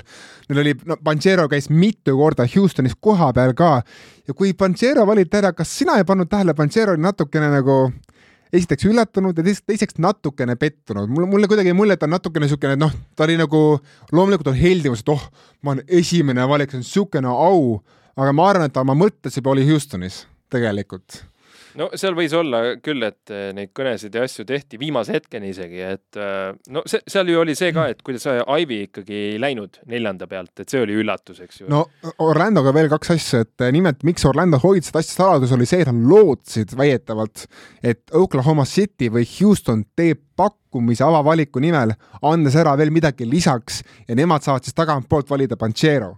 ja nad noh, kõik ennustasid, et esimese kahena lähevad kas Chet Holmgren ja Jabari Smith, noh, ei tea, mis järjestuses, aga nemad kaks lähevad esimestena. ja lõpuks noh, nad, nad nägid, et ei Thunder ega Rockets ei paku midagi head ja nad lihtsalt võtsid ikkagi Panchero. nii nagu Kings tegelikult müüs pikka aega oma neljandat valikut ehk siis Jaden Ivy't, nägid, et midagi head ei tule ja võtsid Keegan Murray, sama asi, sama asi. ja Holmgreniga veel üks asi. Holmgren väidetavalt käis Orlandos koha peal ja mees sihilikult tankis oma workout'i, noh, näit-, jättis endast kehvema mulje, kui ta tegelikult on, sest ta tahtis minna nii väga Oklahomasse. no tahtis sinna Poku, Pokuševsegi no kurat, kes peaks tahtma minna Oklahomasse? ma arvan, et Holmgreni sugune tahab minna, sest ta on niisugune ta on, ma arvan, ta on siukest, siukse tüpaažiga mängija, et talle meeldib olla Oklahomas, kus on sada aastat aega areneda. jah, selles mõttes, et mul on nagu eh,, kurat, minu arust just see win-now mentality peaks olema sellistel vendadel, aga noh, olgem ausad, aga kolm esimest on kõik nagu tank-tiimid ja, ja nad ei jõua ka tulevad. neli esimest tegelikult. noh, see on igavene, sest noh, see ei loe Sacramento Kings ei loe üldse lihtsalt. see pole peaaegu et meeskond et äh, selles mõttes, et äh, sa lähed olukorda, kus äh, sa kindlasti ei võida järgmised kaks aastat. no kus kohas sa muidugi võidaksid, on, tekib küsimus seal Orlandosse ei võida, Houstonis ei võida. ei, Oklahomas ei võida. Detroitis ei võida tõenäoliselt ka kurat, seal on lootust vist rohkem. natuke, noh, Kate Cunninghami tõttu on lootust rohkem, aga see on aga ka Pistons tegi supertöö praegu vist. jaa, noh, Pistons, noh, nimetatigi selle draft, drafti võitjaks. Pistons, äh, kõik, mis ta sealt ühe selle, mis ta võttiski, see Durani ja siis Ivy, Ivy, et need nii hästi sobisid sinna ja seal tuli ju välja, et Ivyl vist mingi pool suguvõsa on seal Detroitiga seotud, isad, emad, kõik on mingil viisil Detroitis mänginud, kas professionaalselt või kooli tasemel, et seal mitte kossu ainult, vaid nagu muudes. jah, et iga, igatepidi see tüüp tüüp on nagu nüüd äh, väga tahab olla seal. jah, ja Hayes vaeseke ronib ära pingile nüüd. no kui ta üldse jääb Detroiti. nojah, seal on, aga olgem ausad, ei ole nagu mänginud tasemel ka nagu. ei ole muidugi. täitsa kehva on kohe, aga Detroiti poolt nüüd on nagu tükid koos või? peaaegu, ma arvan, noh, ongi äh,. Nemad saavadki selle, see kuradi Knicks kukub jälle läbi, sest et Detroit tuleb taga, tagant ja võtab nende kuradi play-off'i koha ka veel ära, noh. ei no kui sa hakkad praegu seda punti vaatama äh,, see Detroit või siis eh, eh, kuhu tuleb see noh, kes see Branson. Bransoniga Knicks, siis muidugi, sa vaatad Detroiti ju. Cunningham on ju superstaar nagu valmis olema selleks no,. sa võrdled eh, RJ Barrett või Cunningham, kumb on suurem superstaar, no Cunningham ju. seal on muidugi hakkab see koht, et äh, ah, tegelikult ei ole. Ivy ja, ja Cunningham, ma hakkasin mõtlema siis seda, et palli valdamise teema, eks ole. Ivy ei ole üldse noorusest tulnud äh, mängujuhina ülesse, ta on viskajana tulnud ülesse ja see mängujuhi koha peal virutati teda alles kolledžis. et äh, tal on niisugune, talle sobib tõenäoliselt, kui Cunningham mängib palliga. No mina lihtsalt tahan näha Ivi, noh, Ivit võrreldakse Donovan Mitchell'i ja Russell Westbrooki noh no,, noorusliku plahvatusega, et äh, Cunningham on niisugune noh, tasakaalukas, veidike meenutab Chris Pauli selles mõttes, et ta nagu võtab tasatargu, vaatab platsi rahulikult, mõtleb läbi ja Ivi tema kõrval niisuguse noh, lammutuskuulina, kes lihtsalt noh, põrkab nagu ma ei tea, jänes seal platsi peal, see on lahe dünaamika, ma arvan, et see saab olema hea klapp ilusaid tonke hakkab seal tulema. jaa, aga seal Pistons ja Tuuren on ka väga hea nagu noh, ta on nagu noor DeAndre Jordan äh,. nüüd ei ole neil Jeremy Granti muidugi enam. no suur, suur kaotus. Grant leidis uh, uue kodu, kodu endale, noh, et, et uh, siin ta on niisugune mees, mida igale, neid tiime nii palju, kellel Jeremy Granti on vaja, et tema saab alati ja. töö. no seal oli veel draftis paar asja, et uh, OKC võttis kolm meest top kaheteistkümne seas andes ära kolm esimese raundi pikki üheteistkümnenda valiku ehk siis Usmane Diengi eest, saab näha, kas see risk õigustab ennast, sest see on päris suur risk Sam Presti poolt, sest mees, Dieng mängis eelmise aasta Austraalia meistriliigas New Zealand Breakersis ja ta jäi ikka hätta seal. ta jäi, no aga samas noh, see on niisugune täismeeste liiga. noorukid jäävadki hätta täismeeste liigas tavaliselt, kui nende, kui nende nimi ei ole Luka Doncic nad jäävad, nad jäävad tavaliselt hätta, et äh, Diengi protsendid on päris kohutavad olid seal Austraalia kõrgliigas, aga ta, ta on samas hiiglaslik äär ja ta, ta oskab visata, ta oskab sööta, ta oskab kaitsta, noh, ma saan aru sellest riski võlust, aga Presti tegi siin suure riski. seal vist oli riski teema see, et kui vise tuleb järgi, siis on super ja põhimõtteliselt küll jah, aga noh, Oklahomal pole tegelikult suuri e- edulugusid selle viske teemaga, minu arust neil, neil ei ole, et Tort ei ole saanud head, heaks viskajaks, noh, Shea on niisugune so-so viskaja, no omal ajal Westbrook ei, ei arenenud üldse viskajana seal, noh, see oli, nagu ei ole nagu edulugusid ju tegelikult. ja et kui, kui ma räägin nagu reaalsetest edulugudest, siis Tortis tehti niisugune kihvt poiss seal nagu, et se- sellest võib rääkida no ta ei ole viskajana edu, ei ole edulugu. absoluutselt, absoluutselt, aga noh, samas draft ida nad oskavad, eks ju, Holmgren, Gidi nüüd siin kaks aastat järjest, eks ju, et ja Gidi ei ole ka hea viskaja. Jah, jah. et pigem niisugune söödumees. et äh, ja noh, muidugi need kaks Williamsi kutti, kes võeti, noh, see on küll niisugune, kusjuures väidetavalt on juba päris mitu tiimi nagu küsinud Oklahomalt, et mehed, et kuidas te panete nad oma särkidele, sellepärast et te peate kuidagi nad oma särkidele e- eristama nagu ka eesnime kaudu ja siis ongi see, et kui neil on nagu noh, esimesed kaks eesnime tähte on samad, JA, eks ole, siis ongi see, et panna, vist pannakse J punkt ja J- Jall punkt ja noh, see tuleb ikka päris pikk nimi seal särgi peal, et kaar saab pöörane olema, noh. see Jalen ja Jalen Williams ja kuus ja kaheksa on ka tegelikult päris sarnased numbrid tegelikult ja ma arvan, et see võib tekkida küll, noh, Sansis omal ajal oli vist Markieff ja Markus Morris, ma mäletan, vist, vist oli Sansis. terve terve maakera oli neid äh, Spider-mani meeme täis. no hea turundus selles mõttes, saavad seda müüa. Hea turundus ja ma mõtlen, kas kedagi veel tuua draftist esile, keda tooks veel esile? Jovitš, no Jovitš läks Miami Heat'i, see oli omal ajal päris, päris kummaline valik, sest Miami Heat valib reeglina ameeriklasi. Nad ei vali eurooplasi, et see on natukene kummaline risk selle Pat Riley Võib- poolt. võib-olla see nimi, see, mis ta oli, no, no camp või no jump, niisugune Marjan Beauchamp või? jah, et et temast räägitakse kui niisugune korralik niisugune rags to riches ja ise ütles ka, ma võtan nüüd number null, sest ma tulen mitte millestki, vaata ja tead, niisugune ja tal oli vist see toetav, toetavad äh, mängijad olid tal vist taustal, et kes te- väga tahtsid teda nagu sinna mängima saada. no mulle väga meeldis Spursi draft, nad võtsid selle Jeremy Sohani, kes on hullult lahe kutt ja ma tahan,, värvib pead no,. no värvib, ta on niisugune koloriitne mees, kes päriselt suudab kaitsta kõiki positsioone platsi peal, ta, tahate näha, et see mees suudab kaitsta kõiki. ja teine asi, kes mulle, kes mulle, kes mulle pakkus huvi drafti ajal, oli Portland Trail Blazers, kes valis kõige suurema riski seitsmenda valikuna Shadon Sharp, kes pole mänginud põhimõtteliselt poolteist aastat kossu. viimati mängis keskas, kui ta oli üksteist klass me- meie mõttes ma nüüd ei tea, mida Portland selle valikuga mõtleb, sellepärast et nad ju tahavad panna võitvat tiimi, tiimi ümber kokku, nad olid Granti tiimi võtab kõige suurema riski üldse. see oli jah, see esimeses Ma- kümnes täielik lotovalik oli see, et Sharpiga öeldi nii, et ta võib minna neljandana, võib minna ka teises kümnes, et seal oli nii, nii noh, lihtsalt min-, mingisugune kujutelm temast oli, et ta midagi suudab, aga keegi ei tea täpselt noh. no te, ja kaks asja veel, et Lakers ja Warriors maksid päris kõva raha, mitu miljonit dollarit, et saada teise raundi valikud.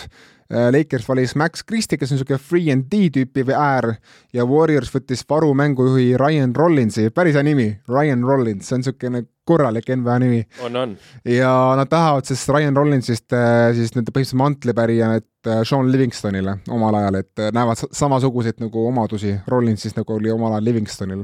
mis tähendab ka seda, et Damien Lee vist on aeg on otsas no,. mul äh, paar nime ma võin tuua, et ma lihtsalt siin, meil oli ka nagu mõte, et millise tiimi GM sa tahaks olla, siis Nii. mul, mulle tuli nagu juhuslikult see ette, ma olen enne ka nagu kiitnud ja see on nagu niisugune äh, jäämäe tipp on juba hea ja siis läheb sügavusse ka, et see Pelicans, vaata, ta võttis selle Tyson Danielsi kusjuures ma tahtsin jõuda selle meheni, jah, see kutt on põhimõtteliselt pikem Lonzo Ball ja, Jah. ja, ja mine kanni, Pelican sai siukse jackpot'i siit. Tyson arvad, selles mõttes, et Grahamiga on ju pahasti, eks ole, et jah, täitsa kukkus ära seal. jah, no Daniels on kaks null kolm pikk mängujuht.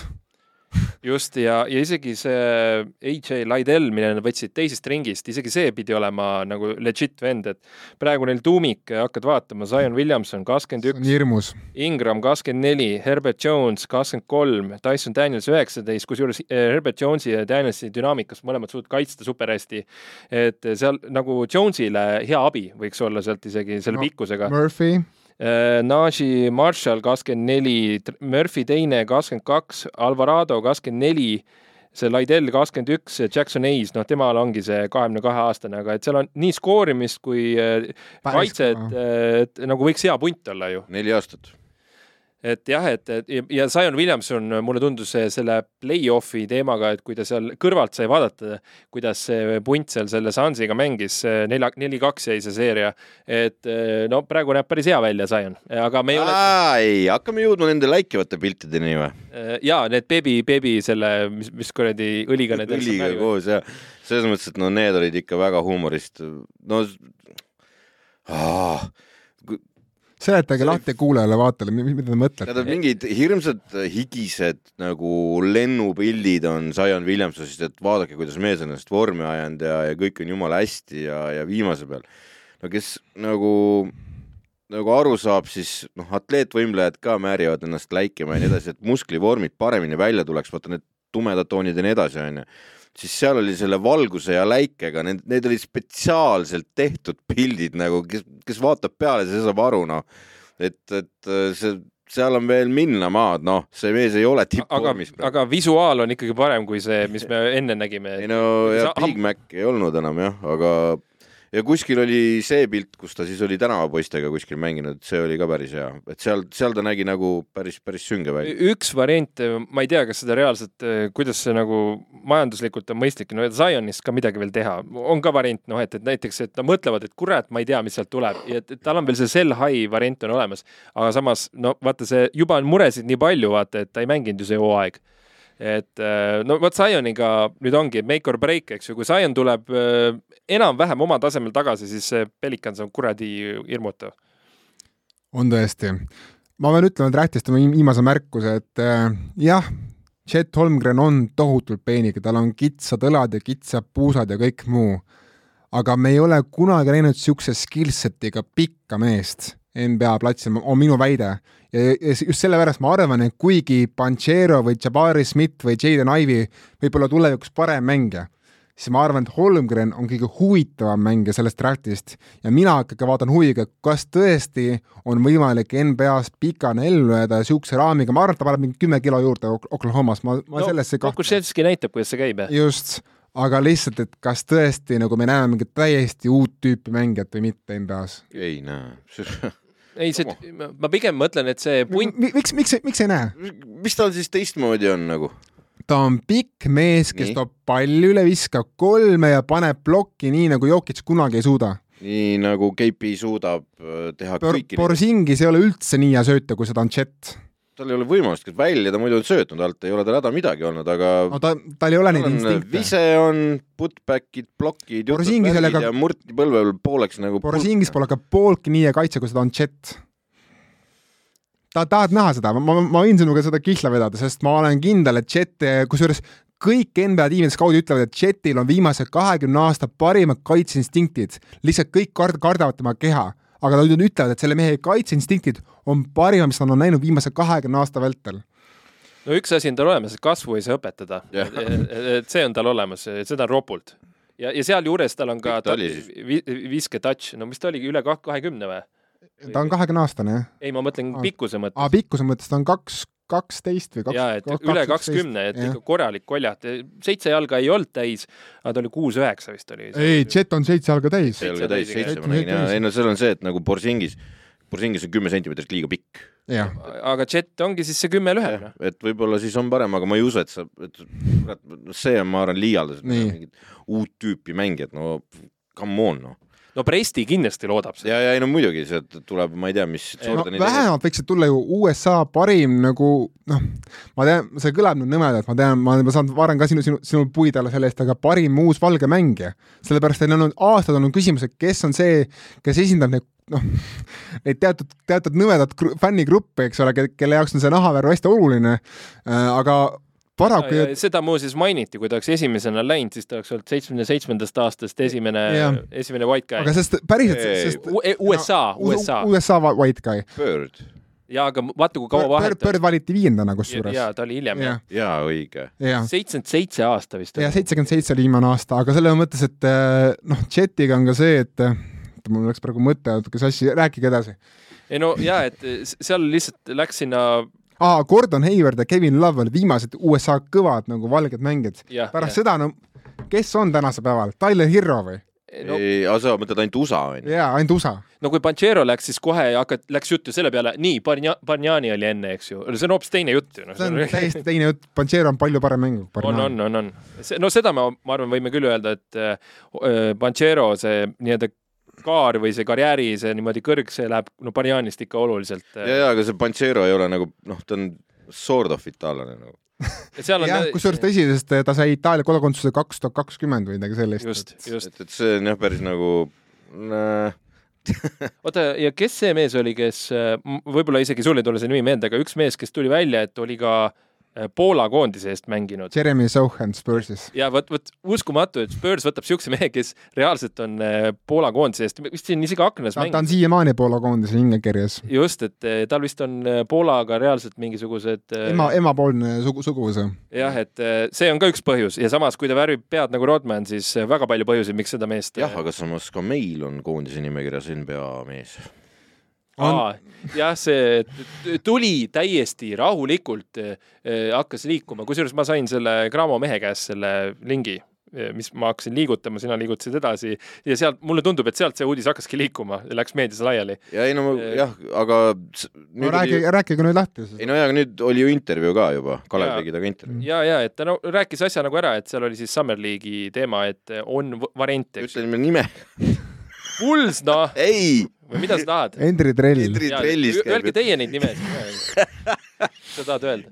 ei, no räägi, räägi ära see, ta Hendri Trell. ei, sind, sind ajab see rohkem elevile, räägi. ei, ajab küll elevile, muidugi Eesti mees on kurat ikkagi paneb äh, NBA päris, NBA suveliigas. ei no jaa, see on nagu palju suurem asi nagu kui, kui mina paneks kodus nagu pulsisärgi selga, kui tema läheb ikkagi väljakule sellega ja mängib päriselt niimoodi, et see tähendab midagi. ehk siis suveliigas äh, Hendri Trellil leping olemas ja ka seal tal on nüüd, ta nüüd alles töö hakkab tal, et tal on vaja seal ennast näidata nüüd. jah, et ta Saksamaaga mängu mängib ära nüüd, aga, aga, aga Iisraeli mänguks ei, ei lähe. Ja äh, mis siis on, suveliiga on neli mängu pluss, pluss kaks vist oli midagi taolist või pluss üks. no sõltub, kui, kuidas sul suveliigas läheb, jah. jah, aga ärgem unustagem, suveliigast on saadud NBA lepinguid, seal on need two-way'd vist eh, enamasti, mis Ena, lähevad. enamasti jah. enamasti two-way'd, aga two-way leping on two-way leping ja see on siis eh, rookie, oota, miinimumpool ja on siis rahaliselt viiskümmend mängu ja play-off'is ei saa mängida. Vot nii on Jah. siis. variant, mis on lagi praegu, et sealt saada, aga sa samas sa saad liigasse sisse ja sealt on juba no teised. two-way on väga kõva, sihuke sild saamaks NBA-sse, kui sa kui sa sinna saad, sa oled ikka kõva mees. siis on ainult eh, sinu enda teha, et kas, kas sa oled mees või ei ole ja teine asi muidugi, kas platsile saadakse, sa saad tiimi, aga et lastakse ka mängima. me teame, no E- E- Euroliiga ei ole hea võrdlus, aga vaata Raieste näide, eks ju mm. -hmm. on heas tiimis, tal on väga hea olukord, teda hoitakse, aga kogu aeg on kuue minuti mees, noh et, et see on ka raske olukord. jah, aga see on see oluline moment, kus ta tuleb, nagu ta tuli ja tegi need oma kolmesed seal, eks ole, ja vedas, eks, aga, aga, aga jah, Trelli juurde tulles kui ta saab two-way kätte, siis tema G-liiga risk on täielikult õigustanud end. ma arvan, et ei saa seda kätte. jaa, aga jah. iva on nagu selles, et äh, esiteks see G-liiga ei olnud risk, G-liigas makstakse tänasel päeval päris normaalset palka juba äh,. G-liigas sa saad näidata ennast seal, kus vaja äh,. kui ta läheb sel hooajal näiteks tagasi G-liigasse, nüüd tuleval hooajal, siis äh, kõik sammud on läbi tehtud. Vabalt võib pakkuda mingisugune NBA meeskond, see koroona tõstab siin meil jälle pead, uued kuradi puutüved kasvavad kuskil. Äh, seal võib, noh, nägime, milline košmaar oli vahepeal NBA-s sel hooajal, eks ole, et kõike, mis noh, helistati nagu, kes on kõige lähemal nagu mängule, et öö, olge nüüd nii hea ja ajage ennast kähku siia, et, et saate kohe Juve'i nagu, et, et teine asi on see, et tõenäoliselt NBA liigutab mingisuguseid punkte sealt nende Juve'i lepingutega, et neid saaks rohkem teha kui, sest et see hooaeg näitas ka ette, et sellega on igavene jama, kui mingisugune selline häda tekib, eks ole.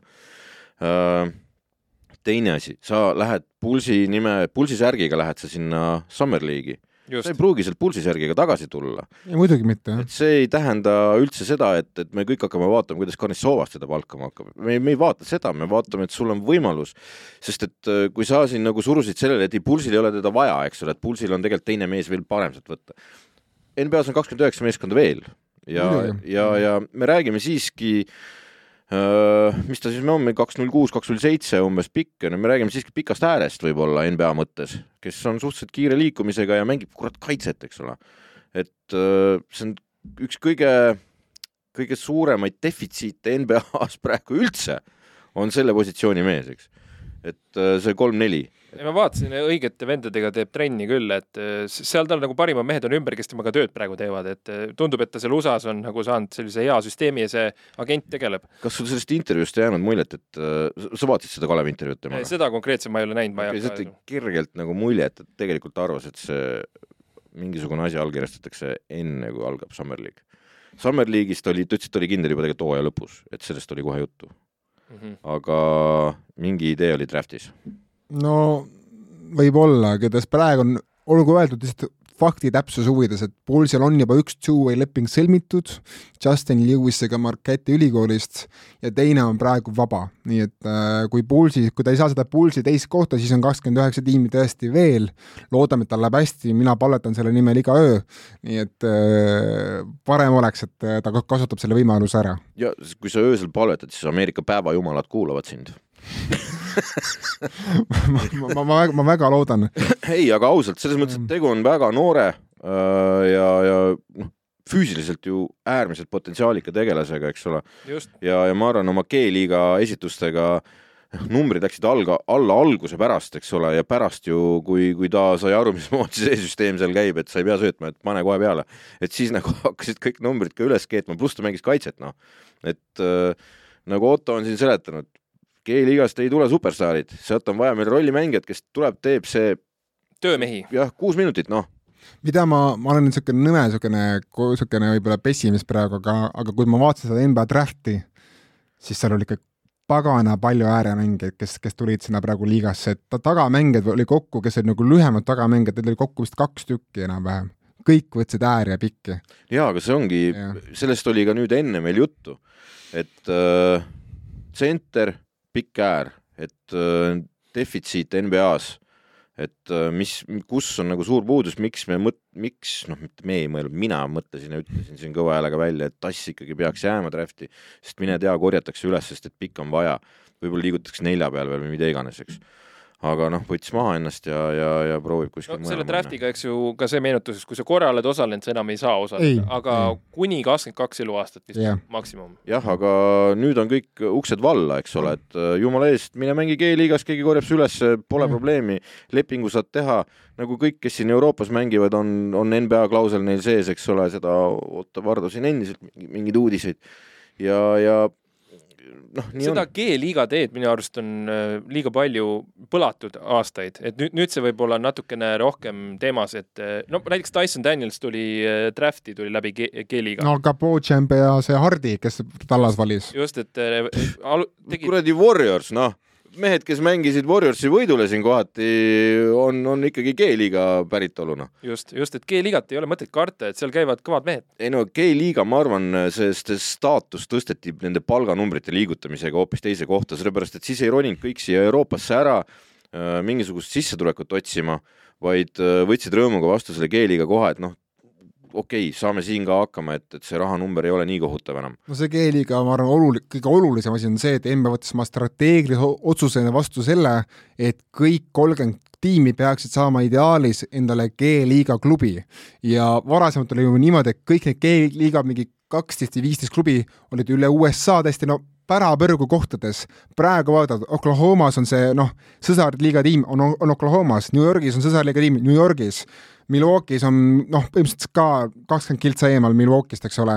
ainukene, kellel on kaugel praegu siiamaani, on Miami Heat, kes millegipärast saadab oma mehi kusagile Põhja-Dakotasse, et et õppige seal ja, ja noh, ma arvan, et kusjuures ma arvan, see on ka omamoodi väga hea süsteem, sest ma arvan, et sa ei taha mitte kunagi seal mängida, kui sa oled seal juba mänginud. ja ma arvan, selle just, mitte nüüd eelmise, aga ma arvan, selle talve selle koroonalainega nägid NBA meeskonnad ka äärmise vajalikkuse selles G-liiga meeskonna olemasolus ära.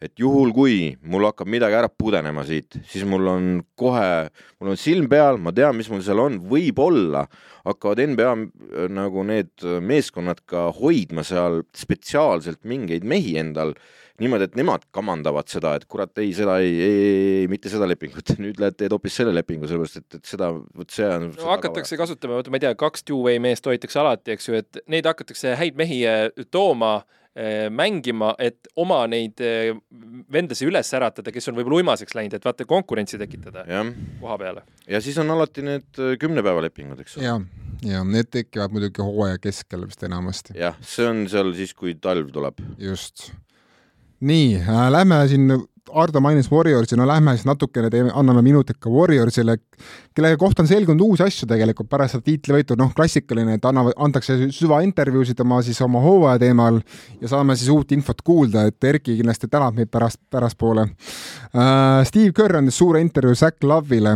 ja ta, sealt tuli välja see, et uh, raskem hetkel, raskem hetk Warriorsi jaoks play-off'is ei olnud finaalis, mitte ükski hetk finaalis vaid teine round Memphisega, eriti pärast suurt ketukat Game viies. et nad Memphise seeria all ka mõtlesid päriselt, et nad võivad kaotada selle seeria ja Bostonil neil polnud, neil polnud kordagi seda tunnet. mis on tegelikult päris suur tunnustus Memphisele, ma ütleksin praegu tagantjärgi seda on kusjuures maininud ka Raymond Green oma selles, et see oli olnud neile nagu oh-oh moment nagu no kui sa saad tappa mingi, vist oli vahepeal viiekümne punktiga seal game viies, siis on tõesti niisugune oht. siis äh, nad puudusid natuke ka, ka, ka seda Clay teemat, et kui Clay tuli päris pikka pausi tagasi, mis oli raskem hetk Clay jaoks?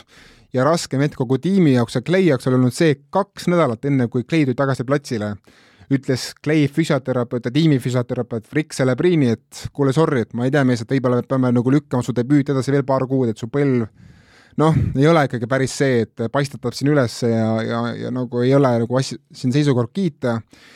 ja nad parasjagu mängisid just kus, kusagil vist Phoenixis mingit mängu. tähendab, vabandust, kodus mängisid mängu.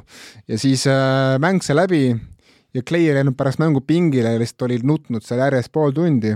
ja lihtsalt ta mõtles, et kas noh, kas ongi nagu karjäär nagu pekkis, et ma ei saagi platsile minna, kogu aeg on mingi uus jama, ma ei saa platsile tagasi ja tulid Steve Kerr, tuli, tuli Steph Curry, tuli Raymond Green ja mehed lohutasid Clay'd paar tundi. Ja, ja kaks nädalat pärast seda Clay tuli tagasi platsile ja, ja sai, sai ennast korda, et tegelikult noh, ka Clay'd peetakse mingiks raudmeheks, kellel pole erilisi emotsioone, et ta on alati niisugune nagu tuim nägu peas, kes teeb oma asja, ajab raha, aga tegelikult on ka temasugusel mehel ikkagi ma kujutan ette, et väga ränk, raske teekond selja taga. Ja mul on eriti hea meel just Clay pärast, et kõik, kogu see vaev sai mingisuguse tulemuse. ja lihtsalt kiire nagu võrdlus praegu siia, see ei ole nagu NBA-ga otseselt seotud, aga vaata meil ju Magnus Kirt samamoodi ligi tuhat päeva oli eemal, et, et see lihtsalt tuleb tagasi ja see on vaimselt väga-väga raske moment, et eh, seal peab nagu noh, tõsiselt peab seda nagu noh, see, see ei ole, see ei ole lihtne niimoodi tulla ja see, et siia niisugune lugu juurde veel rääkida, et mees, mees nutab lihtsalt noh et.... no paar lugu mul veel, nimelt siis Gary Payton ütles enne finaali alguses Steve Kerrile, et hei treener, ma suudan mängida, aga ma suudan visata praegu ainult keskpostid sisse, et kolmesaja tagant ma ei tea, kas ma suudan. ja Kerr ütles Peitonile, et ära palun räägi seda juttu mitte kellelegi teisele ma panen su platsile, aga kui sa räägid ükstapuha kellelegi teisele, siis kui mu, kui mu analüütikatiim kuuleb seda kusagil kontoris, nad ei, nad, nad keelavad mul panna sind platsile, et sa pead, sa pead nagu valetama, et sa paned kolmese sisse. ja noh, finaal, finaalis ta ka pani paar kolmest sisse, et no see, see näitab ka, et Kerr on noh, õige mees, noh, et no. teab. ja siis äh, siia juurde tänane uudis äh, selle mehe kohta. et Tallas Mavericks jahib, jahib teda, jah? no vaatame, Peiton on ka Warriorsi jaoks, ma jõuan. ja, ja, aga olgem ausad no., aga Warriorsil on selle rahaga ma jõuan selleni, ma jõuan selleni kiiresti. ja viimane niisugune nugget, äh, muideks Kerrile valmistas kogu play-off'i vältel enim muljet Wiggins ja tema tegutsemine lauas, aga ras-, lahe jutt ka Steve, Steph Curry'st, et äh, noh, tänapäeva ühiskond, sa kuuled ikka igasuguseid jutte Twitteris, Facebookis, mis sinu kohta räägitakse, ega, ega ka Steph Curry on kuulnud kõiki neid jutte, et kuule, et Durant on see, kes tõi need tiitlid ära, tema oli Finals MVP, et sa oled siin noh, Duranti kannupoiss olid paar aastat, eks ole. ja väidetavalt siis kogu tiim oli eriti hea meel just, just Steph Curry pärast, kui ta lõpuks sai selle Finals MVP kätte, et nad tahtsid seda tiitlit just Curry jaoks ja Curry suurusest räägib äh, räägib üks jutt, et nimelt siis Steph Curry, kes oli nõus ju Denveri seerial tulema pingilt platsile, mitte algviisiks, vaid pingilt.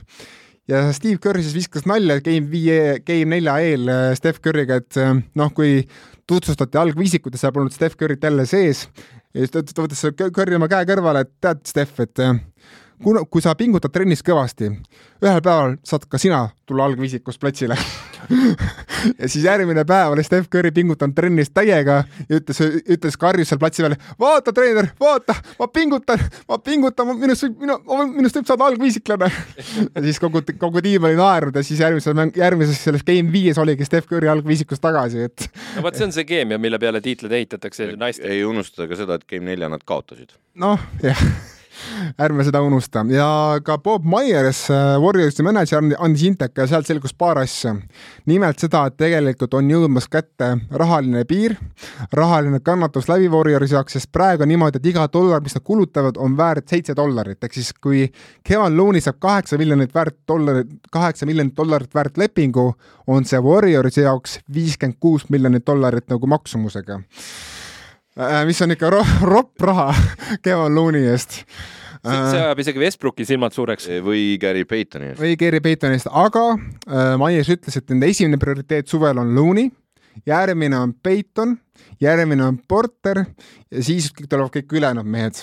et see nende, see nende järjekord ja nad on juba valmi-, valmistuvad selleks, et mõni meist lahkub nad, nad tahavad, et äh, noored mehed nagu Moses Moody ja Jonathan Kuminga võtavad suurema rolli uuel hooajal. Wiseman mängib mäng,, väidab, mängib vist suveliigas juba seekord, ma olen kuulnud jutte, et vist tuleb suveliigas platsile.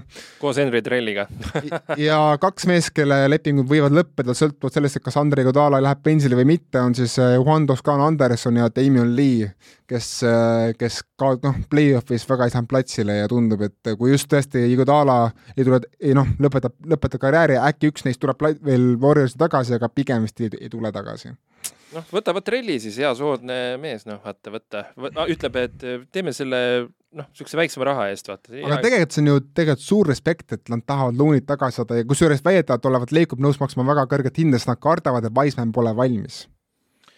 Nojah, see on mingisugune väga tundmatu suurus, see Wiseman praegu üldse. ja Looney Wiggins, see oli lauas ülikõva. no ma mõtlen, et kui sul, kui sul noh, Wiseman pole valmis ja sa kaotad Looney, siis kes sul alles jääb?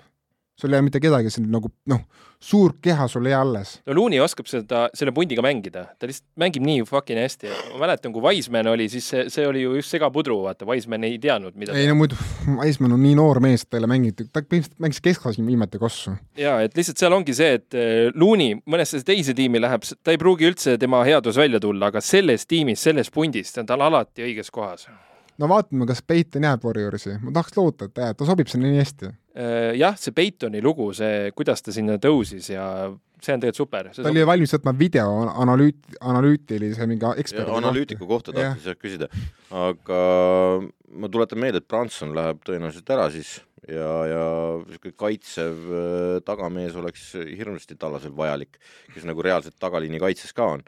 no siis nad kaotavad ju minutid, kaovad ära Josh Greenilt ju kui Peiton tuleb. no and no. Anyway Läheme jah, see on täiesti mõttetu lause praegu. ma pigem pig,, ei, pigem ma vaatan seda Gary Paytoni ja Tilikina, ma mõtlen seda võrd, yeah. võrdlust yeah., et seal on. aga ma arvan, et äh, seal on, ma arvan, Tilikina, tähendab, ma ikkagi näen seda, et üks mees saab Prantsuse minut-, minuteid nagu ja, ja sealt Invid ja seal, noh, seal muutub asi natukene paremaks ja teiseks, noh, Giidile meeldivad sellised vennad, sest et ta on niisugune vair ja ise ta on ka nagu ja, ja vanamehega sõber ja äh, sul on veel midagi või?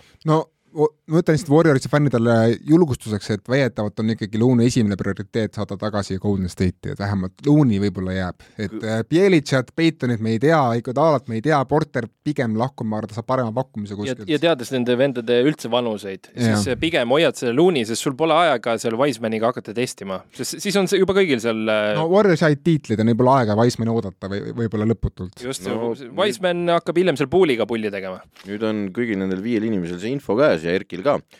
nii, kaks viimast asja siis, mis on veel või? Äh, ei, need on lihtsalt üldised, hästi üldised. Warriors jälle või? ei, ei oh,. Okay. nii. Eestis on nüüd tulnud, on iga inimene saab endale tellida Disney plussi. see on niisugune nagu Netflixi sarnane platvorm, kus sa saad vaadata igasuguseid filme ja seriaale ja sellel platvormil, kelle, kes äh, ei ole veel millegipärast seda ostnud või tellinud kuuks ajaks, soovitan tellida vähemalt kuuks ajaks, seal on lastel väga palju joon-, noh, Disney, Disney filme, aga seal on ka üks kossufilm äh,, Rise, mis räägib siis Janis Antetokounmpo elust ja temast, tema üleskasvamisest NBA-sse, et ma, ma vaatasin selle läbi, see oli väga hea, see ei olnud päris noh, see ei olnud päris Last Dance, ütleme siis nii, aga ta oli päris korralik film mm.. mina ütlen ka, et Sandleri film oli niisugune Hollywoodilik, aga see oli nagu päri, päriseluline lähenemine, kuidas see Antetokounmpod tulid või Ade, Adento Gumbo yeah.. jah, aga see meil on, mul tuligi meelde, nüüd meil on ju, kunagi sai lubatud, et me räägime selle Lakersi värgi lahti.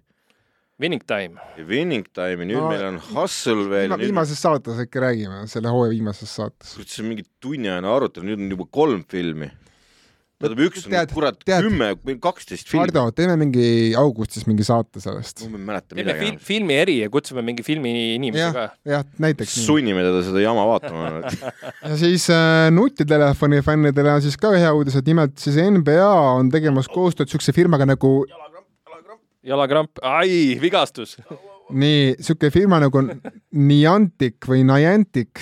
oota, räägi see jutt otsast peale, mul jalakramp ei okay. kuulnud. et NBA on tegemas koostööd niisuguse väga kõrgtehnoloogilise firmaga nagu Niantic, kes äh, aitas luua niisugust mängu nagu Pokemon Go, äkki mõned mäletavad, kui mingi pool Tallinnat jahtis siin Pokemoni linna tagant ringi ja NBA on tegemas oma Pokemon Go mängu nendega, et väidetavalt siis nagu selle mänguga siis sa näed liitreaalsusest nagu oma nutitelefoni kaamera kaudu, kuidas pannakse üle linna siis mingisugused nii-öelda virtuaalsed äh, korvi, korvpallirõngad, sa viskad nii-öelda mingi virtuaalset palli, kui läheb sisse, siis ma ei tea, mingi Morant lööb sulle plaksu või mingi saad mingisuguse auhinna. oh my god, see läheb ju nii popiks ju nende kossulastega. et ühesõnaga tekib niisugune mäng, kus siis saad läbi linna avastada ja visata korvi ja, ja lüüa patsu Steph Curry'ga. see võib päris naljakas olla, kui selle pop-, kõik mingi lapsed mingi lasevad, jee nii, nüüd on mul kõik.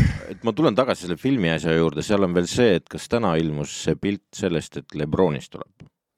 ma ei tea. Äh, oli see keskkooli pilt oli, et esimene kaader äh, või esimene pilt sellest asjast, mida nad äh, filmivad praegu ma seda ma ei ole näinud isegi, see on täiesti tume maa mulle, aga hullult teevad praegu content'i ja ma arvan, et seal on torus veel neid asju. et see ei olnud mingi Looney Tunesi jama nagu, vaid nagu päris film nagu no ja, ja arvestades, et rahaliselt see äh, Space Jam kaks äh, tuli hästi välja, aga kui hakkad Adam Sandleri filmiga fi, see nagu võrdlema, isegi see Rai-, no ma, ma ei, seal ei saagi võrrelda, tähendab, see oli, see oli, ma ei tea, mis asi. Hustle Hustle oli jumala hea film. jaa, oli küll. oli küll, jah üks vana õiendus ka, Holger Tamm saatis meile kaks kuulajakirja, esiteks see, et vabandame, et kümnend oli tõesti valesti kasutatud, et kümnend algab kaks tuhat üks, mitte kaks tuhat. võtame selle kriitika omaks, teeme parandusi. sina võtad selle kriitika no, omaks? me oleme ikkagi ühine toimetus. siis, kui sina eksid, oleme me ühine toimetus, aga kui on vaja lõuata üksteisele ma, ma võin jagada, mul on täiesti savi. ja, ja teine asi on siis see, et äh, Holger siis äh, palus meil võrrelda siin Stocktonit ja Curryt ja Horri, Horrit ja Garnetti kas jõuame selle järgmise saate äh, ära, ära teha või? äkki ärme, ärme hakka, meil on poolteist tundi räägitud. järgmises saates räägime, ma arvan, et ma annan selle diiseri ära, me peame rääkima äh, mängija headusest ja mängija edukusest ja need on kaks eri asja. jah, ja meil oli veel mingisuguseid küsimusi seal, äh, võtame need nüüd järgmine nädal viimases. ja viimases saates on fookus kuulajakirjadel ja, ja sellest, et kes, kes maandus kus. ja siis ma ütlen ka seda, et äh, kallid eestlased, kui te tahate näha nüüd, kuidas Eesti kirjaga särk mängib ikkagi NBA-d, siis äh, Leaguepassis on, on Summer League olemas minu arust. ja, ja väga ebasõbralikel kellaaegadel kahjuks, sest et see asi tuleb Vegasest. aga suvel kõik puhkavad ju. jaa, absoluutselt ja. on nagunii, et sa ei saa aru, kas on öö või päev, sest öösel on ka valge. ja äh, ma üks päev käisin öösel üleval, siis ma nägin, oli täitsa valge ja selles mõttes, et võtke Leaguepass, laske see endale kuidagi AirPlay'ga telekasse või mida iganes. ja, ja, ja kui ei raatsi, siis tuleb ka kokkuvõtted. et saate näha, palju neil seal oli, üheksa viga vist? kümme viga võivad kümme teha, seal, seal, seal võib trell hakata laduma niimoodi, oba, karate, hoba. ma mäletan, et Don Maker suutis saada kunagi, see mees sai kümme viga kätte üheteist minutiga see, oli mingi legendaarne tüüp. igatahes, Ardo, lõpeta meie see meili ja podcast'i, ühesõnaga, teema lõpp uh mis asja, mina pean lõpetama saate või? jaa. Sinu stuudio. minu stuudio jaa, äh, ehk siis kui sul on niisugune tunne, et sa tahaks äh, teha podcast'i ja sul on, on mingi idee, mis sa teha tahad ja kihvt on teha. on küll jah, sest noh, teil on minuga tore, siin üksi ei saaks hakkama, aga kui sul on idee äh, ja sina ei taha mind stuudiosse muidugi, siis mine vaata podcastrent.ee, see stuudio siin on täitsa saadaval rendiks igas kujus, heli või pildiga, kuidas soovid. ja pädevad mehed meid siin abistavad ka, et praegu kaadris ei ole, aga naeratab selle, saab heliefekte panna, igast asju. ma näiteks sealt tagant ka, aga see on hirmus segamini kõik. ja siis on, kui sa korvpalli asju vaatad, siis loomulikult vaata seda korvpalli24.ee ja ja kirjutage meile viimaseks ja, saateks. viimaseks saateks kirjutage meile ja kiidan juba kirjutajat, siin tuli vahepeal kirju ainult tuligi. jah, jah, et äh, ma ei tea, kas Erki saab oma, oma sitatõbist ka jagu aga loodetavasti oleme siis viimast korda täiskoosseisus ja äkki isegi viieliikmeliselt või? jaa, kui ei saa, siis, siis, siis tuleb produtsent. mitte produusser Michael, vaid produusser Siim tuleb ja tal on mingisugune jama, ta hirmsasti kibeleb siia, et äh, viimasel ajal, et ta tahtis tulla juba eelmine nädal, aga siis jälle ei tulnud ja nüüd tahtis see nädal jälle ei tulnud. äkki tal on kontol ikka mitu tuhat eurot seal, vaata. vot ei tea jah, sellepärast et see OpTibeti asi on meil ka veel endiselt lahti ja selle me peaks. ma arvan, et selle viimaseks saateks saame korda ja. selleks saame viimaseks saateks korda, ehk siis otsustame ära, mis sellest saab ja, ja või, või tuleb produtsent ja teatab, et selleks korraks kõik siis tšau paka, et oli tore see seltskond enam ei kogune. aga, aga või siis ta ütleb, et äh, nüüd, nüüd lembab see ETV-sse või mida iganes, aga anyways, järgmine nädal samal ajal on meie viimane saade, aitäh. sel hooajal. sel hooajal võib-olla me teeme midagi suvel ka, kui on mingeid suuremaid uudiseid. kord kuus, mitte rohkem? ei, ei, me võib-olla ei tee sedagi, aga me teeme siis, kui meil on midagi rääkida siiski ja, ja kui midagi, midagi tähelepanuväärset on NBA maailmas juhtunud. selle jaoks, et sa teaksid, see saade tuleb, siis ole nii hea, vajuta subscribe nuppu ja minu poolt äh, vaatame sinna ja tšau, pakaa, lehva, lehva. tšau